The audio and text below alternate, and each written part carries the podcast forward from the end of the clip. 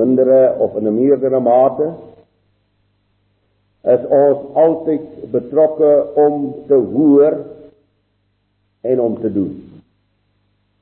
Die prediking van Yeshua rondom hierdie gedeelte wat ons behandel moet u oplet. Hy staan nie los nie. Hierdie vers 45 tot 51 staan nie los van wat rondom gesê word nie. Yeshua is besig met die profetiese rede. Hy's besig om baie skerp en baie ernstig te preek. As u nou Matteus 24 gaan lees, dan is dit 'n geweldige boodskap en ook baie vir ons tyd. En dan kom hy by die koms van die seun van die mens.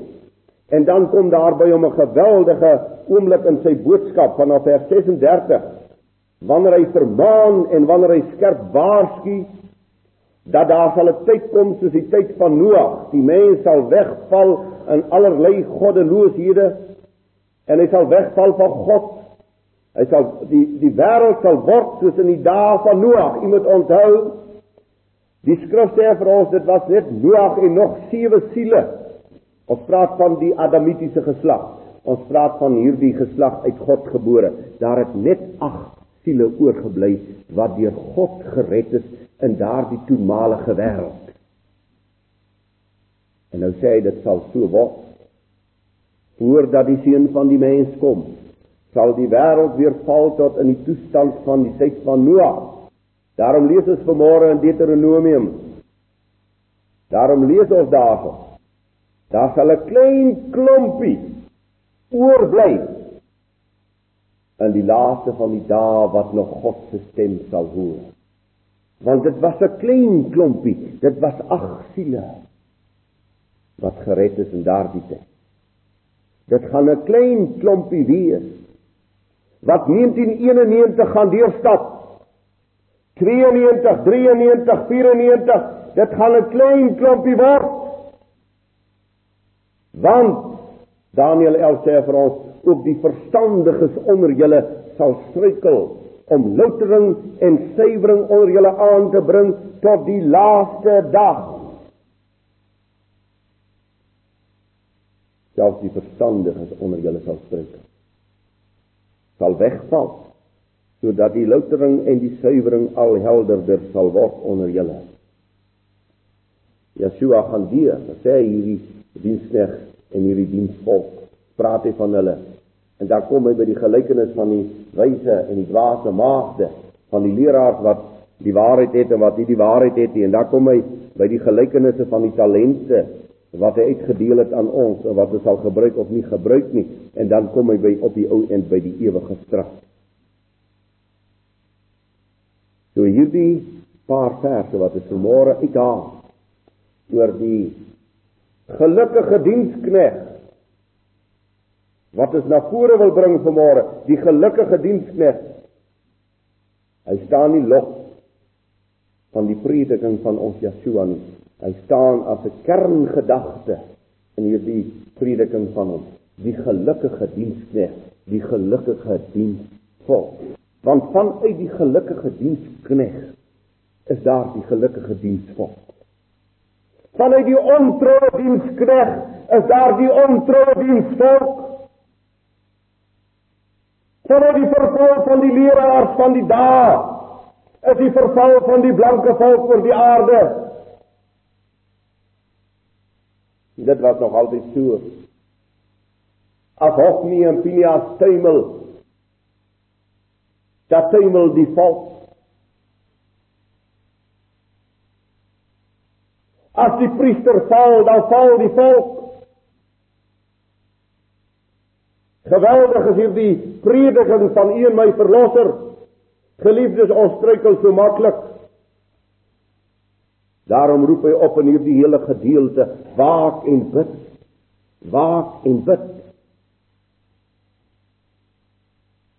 Omdat nie een van ons ons lewens in ons hand het. Omdat nie een van ons môre ken nie. Ek weet nie watter tipe versoeking môre na my toe sal aankom. Satan kom altyd as 'n engel van die lig. Hy kom altyd in 'n mooi gewaad. Hy kom altyd as 'n pragtige persoon. Ek is besig om 'n boek te lees oor satanisme.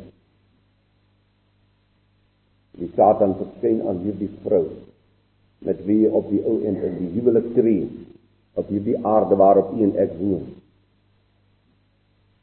Hy kom in, in die pragtigste sy sê sy aanraking is net iets fantasties as hy sy hand oor haar hare stree. 'n Grypende aanraking. Engel van die lig, maar is engel van die duisternis. Ons struikel so maklik. Die eerste wat vir ons belangrik is vanmôre is die gelukkige aangestelde dienste. Dan kan 'n mens môre hierdie vraag vra, sal Jawe dan iemand aanstel wat vorentoe sal struikel? Sal Jawe dan iemand aanstel wat vorentoe ontrou sal word? Geliefdes, die skrif is vol daarvan. Die eerste koning wat deur Jawe gesal word, het 'n ontrou koning geword. En so kry ons voorbeeld na voorbeeld deur die skrif. Ja, daar word mense aangestel wat ontrou word op die pad. Daar word mense geroep wat op die ou en Yeshua verloon wat misluk. Daarom is die medewerker die medeverantwoordelikheid so groot.